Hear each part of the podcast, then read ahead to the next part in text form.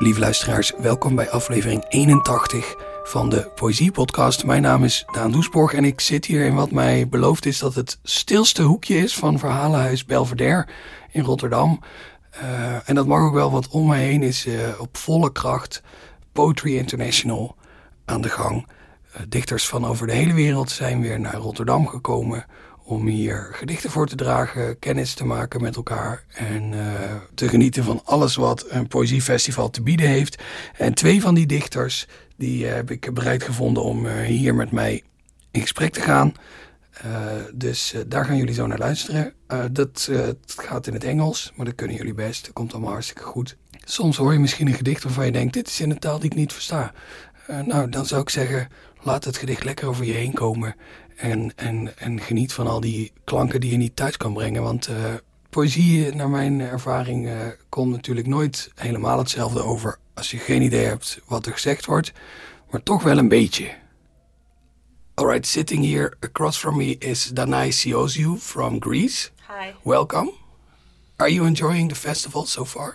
Yes, I have been enjoying the festival very, very much, and Rotterdam in particular as well. It's a wonderful city. What do you like about it? Uh, it's not very touristic. Uh, I, I mean, there are lots of people living here, lots of students. It is very, very lively, but it's not a crowded place, for example, like Athens, where I live in, or I guess as as well other places in the Netherlands, perhaps like Amsterdam. I live in Amsterdam, Uh, so I know oh, what you mean. Yeah, then you get it. Uh, and I like the I like harbors in particular as well. So I have been enjoying the landscape, walking around, and the festival is is great. It's, it's so well organized. All the people involved are very helpful and very creative, and everyone is enjoying themselves, which is not always the case.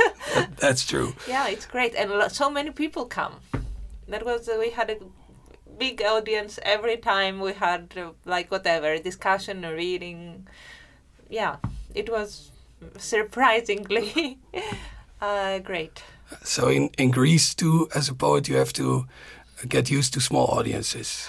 Uh, it depends. I run a festival that is called the Purple Medusas. It is an interdisciplinary festival with a focus on literature and gender, and many, many people come. But uh, this is not always the case. Uh, I mean, uh, usually when festivals uh, are involved with the communities of a city or a town or a place, or when the people involved are involved involve other people as well, they are successful. But this is not always the case. We also have lots of people coming uh, to readings, to events, uh, but uh, usually this happens when there are many communities involved and the people who work for the festival are also involved with you know doing stuff like they are recognizable and people trust them that the quality will be good blah blah blah and the program is interesting and so on. It's yeah. All but I have been to events and even small pop-up festivals or whatever where only a few people come and it always makes me sad sorry Yeah, it's a shame uh, poetry is not as popular as pop music, maybe. Oh, yes, that is true. But you know, this has to do more with the industries involved and less with the art. Uh, I think people today read more than ever. Uh, for example, in Greece, up until 50 years ago or 60 years ago, most generations didn't go to school, thought that they couldn't read. So today you have people you can read, and they do read. Um, and I think analog things like books and stuff and printed stuff are back into fashion, you know, after all these uh, tech things. But yes, I know like movies and theater can be more spectacular and music, but literature has so many things to offer. It is accessible to everyone, it is very democratic, very cheap as well. You know, you can always, for example, go to a library and uh, search for a book you like. Uh, but it's not a heavy industry. But this has to do with the, more with our neoliberal society structure than with uh, you know anything else. You brought a poem for us uh, today. Yes, uh, do, you, do you want to say something about it beforehand, or are you just going to read Uh, it? I will read to you in English the first one. It is called Poem for My Birthday. Uh, I wrote it after uh, I turned 30. I'm 36 year old now. It doesn't stop. You always get older, but it's about how unhappy I was after 30. you know, this milestone in my life. Anyway, poem for my birthday. When it's my birthday, I want to sleep all day long, covered in bills, W 2 forms, postcards, and I want to cry. But since I am not a crybaby, I simply say that I will faint and then I go to sleep because a birthday after 30 is like when they surreptitiously open your mail, like when you try to park and you have blocked traffic. It's like getting a call from the debt collectors.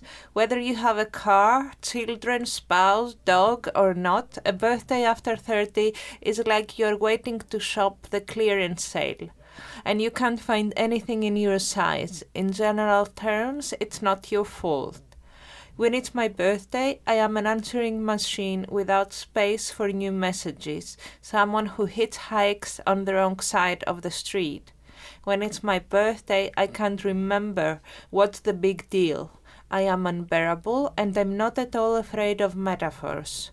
When it's my birthday, I suddenly remember that I want to live forever, and I ruin the party my English is not so good. So. Your English is perfect. Yeah. Don't worry about it. Uh, does it get better? The no, birthdays. It doesn't. does it get worse?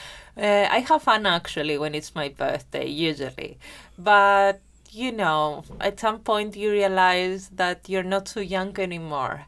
And I wanted to la- to write something bittersweet and a little funny uh, about how you feel in this uh, middle path of life like you know something that used to work for you they don't work anymore because you know you you're not so young. So it can be something simple or it can be something more complicated. You do things as well. Yeah. And did writing the poem help to what? make bir- oh to yes, make birthdays I think better? Uh, people enjoyed it. They usually laugh. I think it, in Dutch when I had my main reading, they were laughing a lot. Like oh, that's good. But I'm actually I, I meant for yourself to yeah, to feel better about aging. Uh, I don't mind anymore. Uh, I I wouldn't want to be very young again. No, me because neither. I was uh, poor and I had to work very hard to make a living uh, to begin with. Uh, but I'm not so much afraid of time anymore. And last year I actually got sick as well. Uh, I was diagnosed with cancer and I went through chemotherapy and all. Uh, so now I'm actually grateful for my birthdays. but I still support the spirit of this poem. I'm like, no. yeah. So it's a complicated for everyone, I think. yeah, but so you writing this poem did it did it contribute to you feeling better about aging or oh, did yes, you just of sort of not care uh, anymore and I, then I I am a, a, part of the group I think that sometimes I, we say that there are writers who enjoy writing and writers who hate writing. I am the first group. I enjoy writing. yeah, even if I do, even when I do it in my head, like, you know, get lost in a creative process, sometimes people think that writing is sitting on a desk and actually write, which of course is the biggest part of the thing, and revising and everything. But at least in my case, it also involves a lot of um, creative thinking and uh, um, like a mental work and process, so to say, that is um, uh, very um, demanding as well.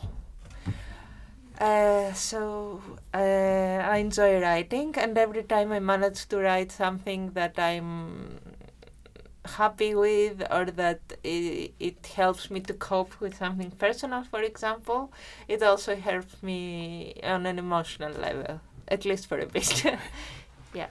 I think that's for a lot of people, if, if we just take everyone who writes, not just professional writers, for a lot of people, probably that's a reason to write, to you know, to it can it can help you process it stuff. can it can it can help you process stuff and it is uh, actually a very powerful and a meaningful way to process stuff because you can also combine solitary and a solitary situation with sharing like you can be alone if you want to like to write and read and everything but then you can also communicate with other people or with the community or with your friends and other writers maybe and share what's happening.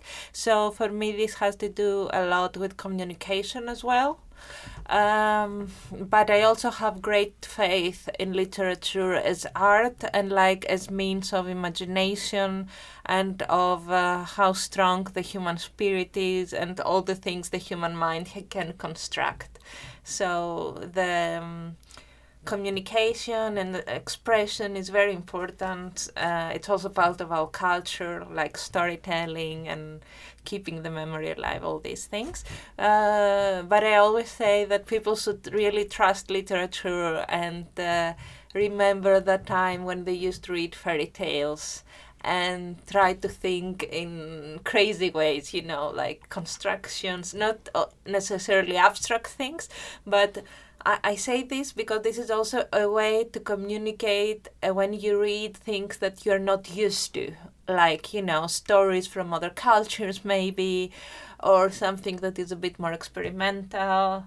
So, you know, we shouldn't forget today that. Uh, literature is something very, very open and creative that involves many kinds uh, of writing styles. I think a festival like this is also a great way to show that. Exactly. You have all these poets from all these different poetry cultures coming together, taking also their own particular style and uh, Yes, get to know each other, also And it- socially, of course. Of course, and it's also a great way to decolonize uh, literature somehow because uh, you have the chance to meet people who write in all kinds of different languages and come from different cultures.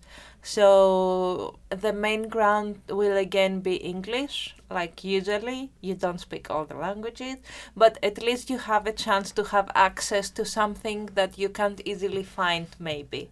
I mean, you at least if you ask me, I could name you like 10 American authors very quickly. But if you like me, can you name me 10 Bulgarian authors or 10 Estonian authors? Then I would be much slower, you know, or even maybe not be able to finish the list. So the, this is what I mean with decolonizing literature and, you know, be open. Yeah, Yeah, you uh, widen your, your borders. exactly. You just told me you're the first Greek poet in a long time to visit uh, the the festival. Yes, that was the organizers told me. They told me I'm the first Greek poet after like 25 or 30 years, um, if I'm not mistaken. Something like that. Yeah, a long time. Oh, it's good uh, that Yeah. uh, they I finally hope I made a good impression. Well, it was a bit of a pressure when I heard it. I was like, oh, really? Cool. yeah, like your like your. Uh, I'm an emissary. now. Exactly. well, But I was, uh, no, I'm joking. Everyone was very friendly. I think they just said, oh, look, we didn't have anyone for, from Greece for a very long time. I understand it. It's actually, I think um, the fact that my country doesn't have um, a state policy for literature uh, and no private ways of funding, like writers traveling abroad as well, it is uh, Greek writers uh, uh, move less in general. Like, you know, you practically have to run for yourself or sometimes uh, look for money to travel or for translation. So it can be complicated. So I guess this is also a reason. And then, yes, Greece is a small country. Greek is not widely spoken, although it is still part of. Um, classical studies, for example. I'm actually bilingual. I grew up in Germany, so I am because my family migrated, a part of my family there to work, and I'm bilingual in Greek and German. But as I grew up, I decided that I would write in Greek only. and That's why was that? Why did you choose to write in Greek only? I, I I think it was I I think at some point I had to um, like w- when I was a teenager and I realized that I am interested in writing.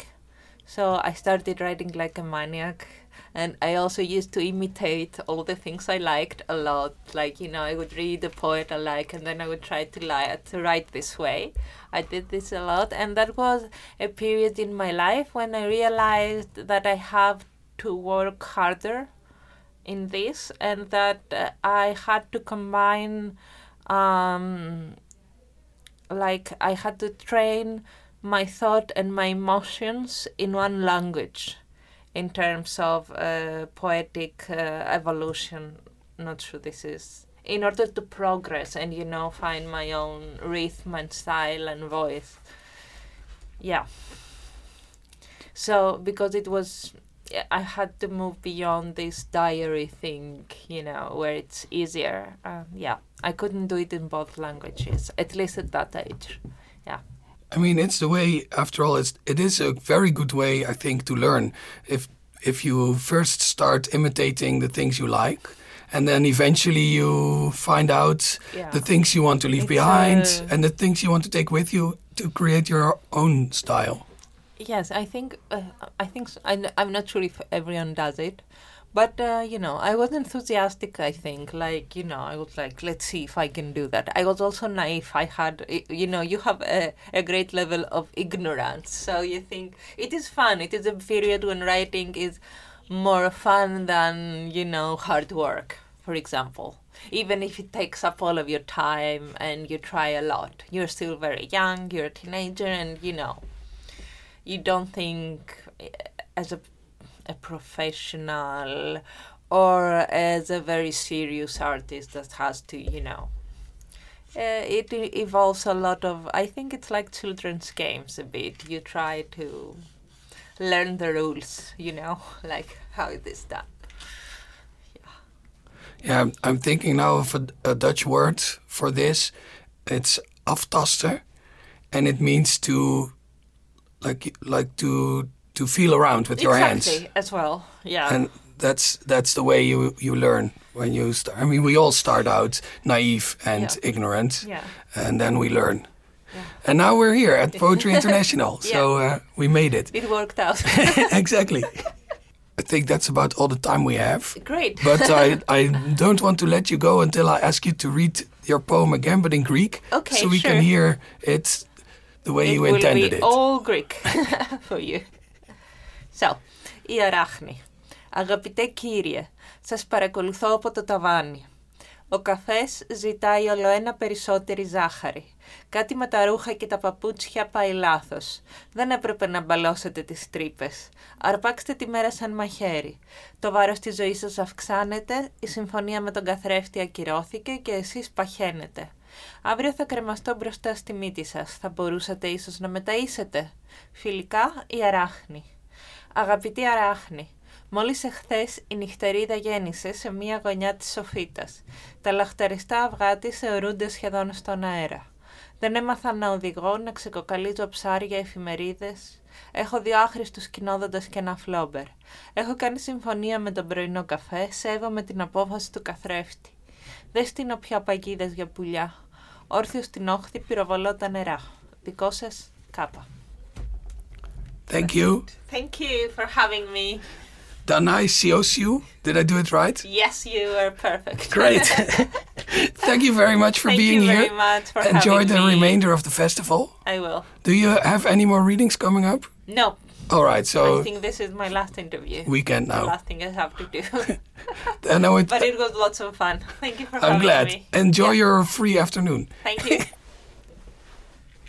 Radek Jurczak, welcome to this sweltering podcast studio up in the attic of Bellevue. Hello, and thanks for having me. How are you enjoying the festival? It's lovely. I mean, it's really a great experience and has been for the past three days. It's cool. It's actually one of the best I've been to. So, cheers for all the, for all the people who made this happen. I'm so glad to hear it. What, what stands out to you in comparison to all these shitty festivals that you've been to? Well, they weren't all shitty. Still, uh, the size definitely, and that's something you really do not get in Poland. I mean, like you never ever get a f- f- full cinema-sized room of people on a poetry festival. No, no, no, not ever. Not even for famous uh, foreign guests.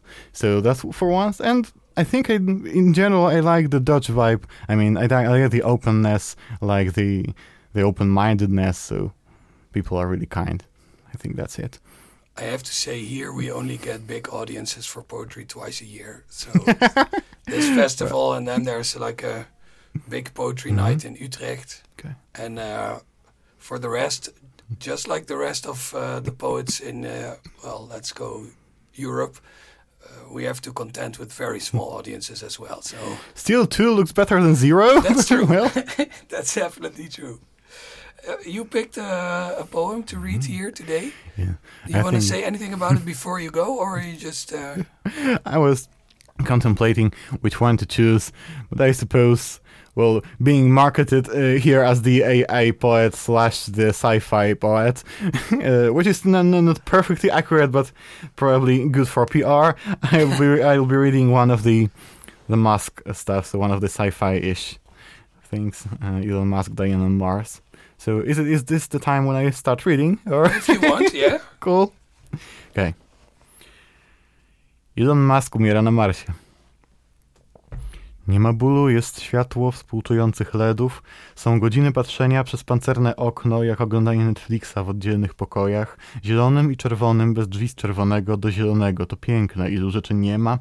Nie ma bólu, jest światło współczujących LEDów, jest szmer, transmisja się łasi, jest ziemia, jest twoja, chociaż nie ma ziemi, jest patrzenie na ziemię, jak oglądanie Netflixa w oddzielnych pokojach, tą samą parą oczu, a patrzą na ciebie wszystkie oczy na ziemi i widzą, jest spokój, nie ma bólu, jest światło współczujących LEDów, jest gest, zwolnienie blokady, posłuszna kroplówka, cząsteczki przez błone komórki, jak przez pancerne okno, miliony streamów z Netflixa w oddzielnych pokojach, i już letniczek pisany i uploteczki w niwecz i Mars, świergot transmisji, rakieta, srebrny rulonik i nie ma bólu, jest światło współczujących LEDów, jak oglądanie Netflixa w oddzielnych pokojach. Okay. Thank, Thank you. you. Normally, I think it's a deadly sin to ask a poet what a poem is about. but uh, seeing that uh, the the listeners are probably not fluent in Polish, can you maybe tell them a little bit about what the poem is about?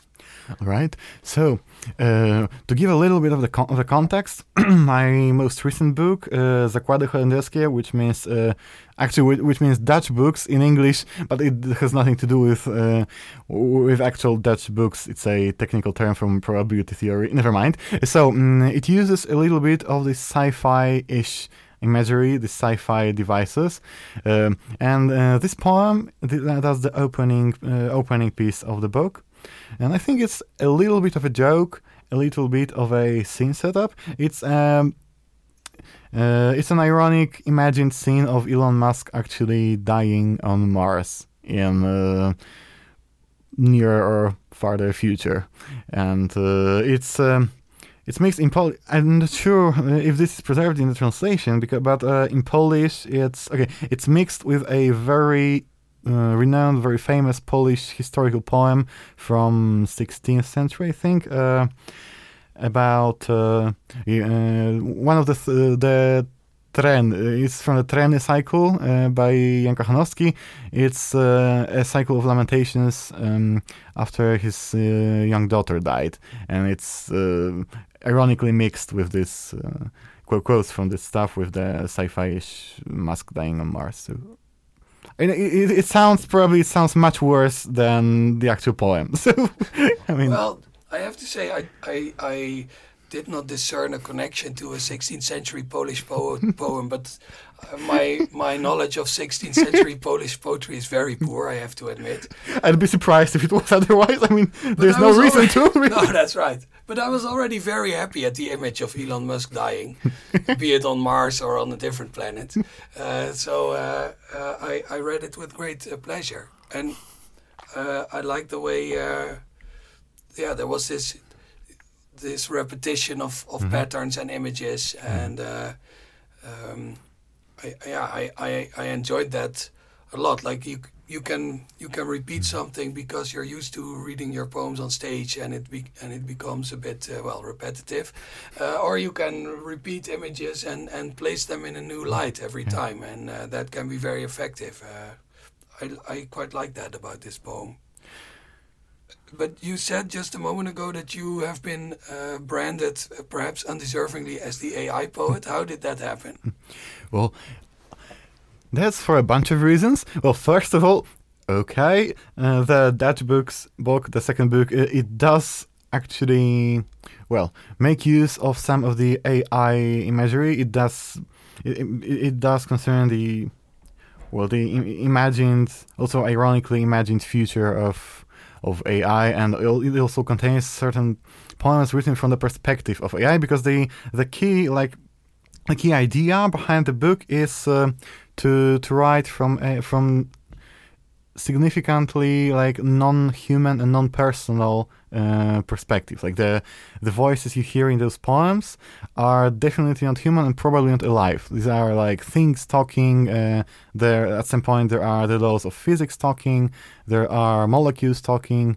Uh, I don't think there are animals. Animals were in the previous book, but still, uh, and there's also the AI talking. So uh, that's for one. But uh, the second thing is uh, my day job is for now um, a machine learning engineer. So basically, I train those systems, and that's just the thing I do.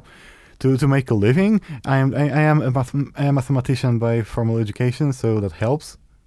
But I think that's the well. The, the, the, these are the two primary reasons I'm the AI part here. It's not it's not bad. Could have been worse. That's true. Yeah. But do you, do you see a role for AI in poetry hmm. or? Uh... uh, we've had a whole talk at the festival about that. I mean, to be honest, I do not see. Okay, perhaps there is some role, but I do not think we need AI in poetry. I mean, we could. I, yeah, I believe it's doable it's probably doable in a decade or two to have uh, to, to have AI generated literature of acceptable quality, probably of marketable quality. So right now it's terrible. Yeah, it's uh, you know definitely, but we are at the very early stages. I mean, right now I'm happy we can get it to to spit out like coherent few paragraphs of text, but still, still it's getting it's getting real better real quick. So well, decade or two, but why why would we need it? I mean, okay, under late capitalism, probably the publishing houses would love that because they could finally dispense with authors. But as a Marxist at heart, I do believe we, by, by, by, by then, in two decades, we'll have we'll already have done something about that. So, and otherwise, we really do not need literature generated by those systems because it has no use. We have plenty human authors. And yeah, people like, are doing why would a pretty you? good job, right? Well, yes, not definitely. all of them, but yeah, but at least some of them. I think more of them than we're able to process anyway. I mean, yes. there's more good stuff published than anybody has time to read. So, like, why add yeah, even I, more I to the? pile? I still haven't got around to the Polish poetry of the 16th century. So uh, there's. yeah. Oh, I'm still young. I do recommend Jan Kochanowski. Remember that name? All right. When I'm uh, uh, when I'm doing these uh, so normally in this podcast, I I invite a Dutch poet and we talk mm-hmm. for an hour or something. And here at the festival, I have shorter conversations mm-hmm. with okay. poets from all over the world. And what I'm always curious about is, can you maybe tell me a bit about what the what the poetry scene or life as a poet is like in Poland? okay, that's the bit I always try not to talk about. Uh, well, you don't have to if you don't no, want to. No, no, I do. Perhaps I, I, perhaps I do want to, and I don't.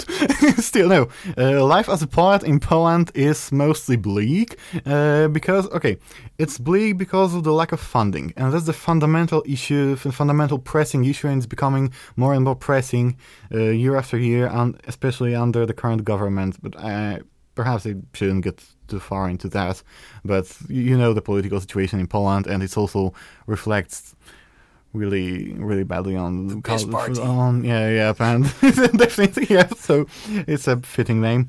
Uh, still, uh, we are terribly underfinanced, and uh, nobody. I d- I don't know of anyone who's ma- who makes a living out of poetry in Poland. Not not even the big the biggest names, like really nobody. Not even the prose writers. I think the novelists, perhaps Olga Tokarczuk makes a living out of her novels, but well, she's like in a bunch of five people who can do that still. Uh, these issues aside, uh, Polish literary scene is really bursting now. It's lively, it's original. Uh, there is plenty of this avant-garde heritage that was preserved and creatively developed uh, over last, I think, two decades. And I do recommend if there's if anybody hears us who can who knows Polish and can translate Polish stuff into any Western European language, please do that. We have plenty to offer. We do really. And you told me before, I don't know mm-hmm, if you want to get mm-hmm. into this, that there is currently a war going on in uh, Polish poetry. Yeah, I think there's a yeah, there's a strong a bit unexplainable conflict b- between the slam scene and the actual poetry scene. Obviously, the actual poets it's, it's in their own words, right? Because uh, there are people who see slam as a the well, uh, the unworthy form of poetry, uh, and I think the I think the slam guys have have actually willingly adopted that uh, that etiquette up to a point, and now uh, n- now things are changing. Uh, the slam scene is demanding more and more attention, and it's cool because we uh, we have a really interesting slam scene. I'm not the part of it myself, but I do like listening to people performing in Warsaw and in Wrocław, especially. Um, still, there's this vibe that if you do slam poetry, you're not doing really, you're not really doing art. You're not doing worthy things. You're like basically folklore. Uh, and there's strong animosity between the two groups. There, I don't want to get into further details of, well, prominent Facebook shitstorms with Jerzy Jarniewicz and others, but feel free to check it out. it's partly in English, by the way. Oh, well, so. that's good. I, f- I feel like there's always one of two systems. Either mm-hmm. the poetry slam mm-hmm. scene and the more traditional poetry scene hate each other, or the poetry slam scene feeds into the yep. regular mm-hmm. poetry. I think here in the Netherlands it's the latter. Mm-hmm. Poetry slam is a is a way to learn the trades and get picked up by a mm-hmm. publishing house and oh, become a, a, a, chic salon poet. Uh, and uh, secretly, that's what a lot of the slam poets want. But increasingly, there's also this current of slam poets who want to be slam poets and mm-hmm. who prefer to stay in this in this scene and maybe even demonstrably refuse to be published. Mm-hmm. And to, to be clear, I do respect that. I mean, I do have a lot of respect for true performing artists. So no, no, no, well, I don't want to sound like a, cons- a radical conservative who, like, he sounds still, I think in Poland we have this strange system where you have the whole workshop through uh, early earliest career prize to uh, book publishing pipeline. And it's really separate from the slam scene. I mean like nobody's treating the slam scene with the respect it deserves. I mean, for for better or for worse, it's very separate. Uh, interestingly, many of the of the most respected poets of the younger generation, including me in some ways, uh, like take a lot from this spoken word uh, performative art thing, uh, but it's more indirect. I mean, it's reflected more in the in way of reading, performing the poems on stage, in the way you construct the rhythm, the melody of the poem. Uh, definitely. Uh, okay, definitely Polish rap scene has also influenced, heavily influenced uh, youngest poets, Polish poetry, including me. I was going to say, it strikes yeah. me that a lot of Polish poets mm-hmm. or young Polish poets read very fast. Yep, because well, and for me, it's great, and I think it's a uh, well, it's one of the defining features of Polish poetry right now. That you really, what matters is really the flow, the rhythm, the sound of the poem. Uh, well, not necessarily because you can always read the poem on the page after you, you, after the performance. You have the book, you have you have the translation perhaps, and at on stage, what matters is the incantation, the flow, the it also has its roots. So, sorry for talking so so long, but it has its roots in in. Um, uh, earlier 20th century Polish poetry. Uh, for instance, uh, you might know Czesław Miłosz, the Nobel, Nobel Prize winner from the 60s. So uh, he was famous for incantative for his like uh, incantation like reading. Uh, and it was it has completely different roots. It rooted it roots back to the polish 19th century romanticism where uh, the most prominent polish poet ever adam mickiewicz was very famous for his hours long improvised rhymed poems. Uh, he recited also very quickly and with this uh, incantative flow. So it has its history and i think it's quite unique too. Yeah, and I also I think the Polish language has a really beautiful rhythm to it. So it's it's it's also maybe in a way the language itself is inviting to go fast.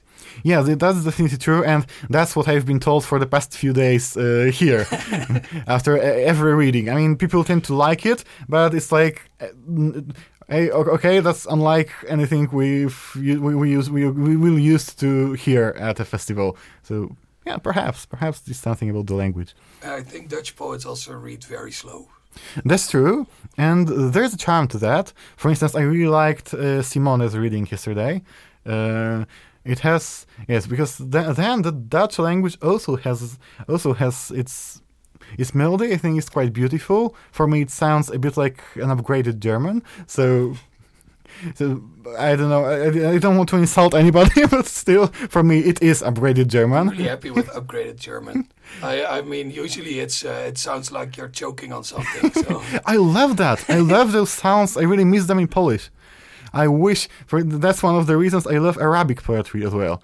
They have lots of these harsh sounds and I miss it. I do miss it. We don't have that in Polish. We used to have the h uh, 500 years ago, I think, but not anymore. Maybe you can reintroduce it. No, that would be weird, but well. Uh, it's a, it's worth a try. I envy the Ukrainians. They still have a, a little bit of the h. Yeah, So- it's, it's quite a beautiful language as Yeah, well. yeah, it is. Um, let's return uh, for a moment uh, uh, to the poem that you chose. Mm-hmm. There are two poems in this uh, uh, small uh, uh, Poetry International selection about Elon Musk. Mm-hmm.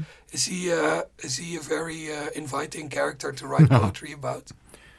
Okay. To be clear, first of all, uh, Elon Musk does feature prominently in the book as a, but but in a bad sense. I mean, he's a he's definitely used as a theatrical prop, as a device, uh, and he's great for that. I mean, the the figure, the the man, it's. So first of all, he's like he's definitely he's, he's the definition of hubris. And i mean and that's great for poetry because uh, pride and hubris are like perennial themes for poetry so that's cool. Uh, and at the same time well he's in, in, in the person like all the uh, uh, all the bad features of late capitalism are focused and personified and impersonated and it's really it's really a great a great thing to have him as a device.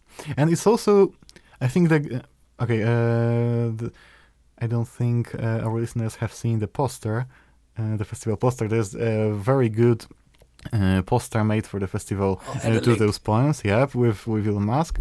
Uh, so uh, still, uh, I think th- there's uh, a bit more to that because there's this act of, I mean, using Musk this way uh, in a book is sort of act of, an act of revenge, of vandalism in a way.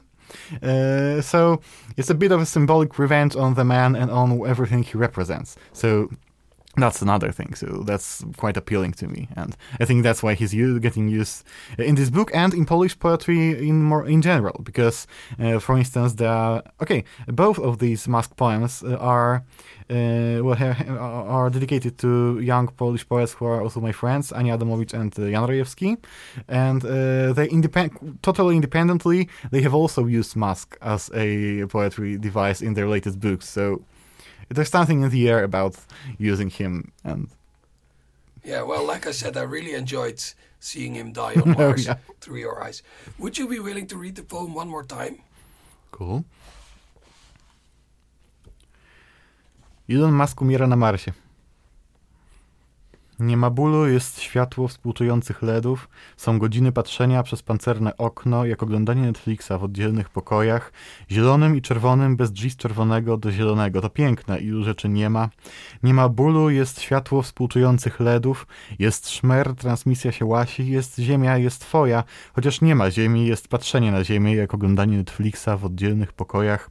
Tą samą parą oczu, a patrzą na ciebie wszystkie oczy na ziemi i widzą jest spokój, nie ma bólu, jest światło współczujących LEDów, gest, zwolnienie blokady, posłuszna kroplówka, cząsteczki przez błone komórki jak przez pancerne okno, miliony streamów z Netflixa w oddzielnych pokojach i już letniczek pisany i uploteczki w niwecz i Mars ćwiergot transmisji, rakieta srebrny rulonik. Nie ma bólu, jest światło współczujących LEDów, jak oglądanie Netflixa w oddzielnych pokojach. Okay. Well, Thank you. that's it. Thank you. And thank you, Radek, for joining me in this podcast. Thanks a lot. It was fun. I'm glad. I'll let you go it back into the, the sweltering heat now. Please But uh, don't. I, will, I will tell you when you when you get outside of this room, suddenly it's cool outside. I feel it. Yeah, I feel that's my impossible. Thanks. Thanks. Thanks a lot. Really. Okay, thank you. I'll stop the recording. Dit was aflevering 81 van de Poëzie Podcast. Die wordt gemaakt door mij, Daan Doesborg, in samenwerking met de Stichting Literaire Activiteiten Amsterdam. En deze maand natuurlijk ook met opnieuw veel dank aan Poetry International. Volgende maand ben ik er gewoon weer. Dan weer met een gewone aflevering van de Poëzie Podcast. Maar natuurlijk wel weer met een uitzonderlijk leuke dichter. Graag tot dan. De muziek bij deze podcast wordt gemaakt door Bart de Vrees. Dat is de muziek die je nu langzaam je oren in komen. Ik zie jullie graag volgende maand weer.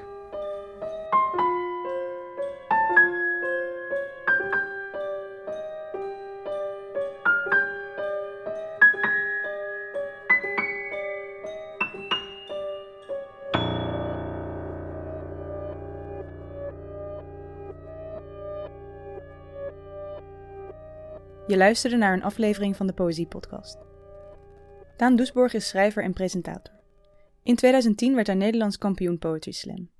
Momenteel werkt hij aan zijn debuutroman, die zal verschijnen bij uitgeverij Van Oorschot. De Poëzie Podcast wordt mede mogelijk gemaakt door de Stichting Literaire Activiteiten Amsterdam. Bij ons draait alles om literatuur. We maken programma's voor de hele stad, online en offline. Al onze podcasts zijn ook te beluisteren via onze website www.sla.nl/slaakast.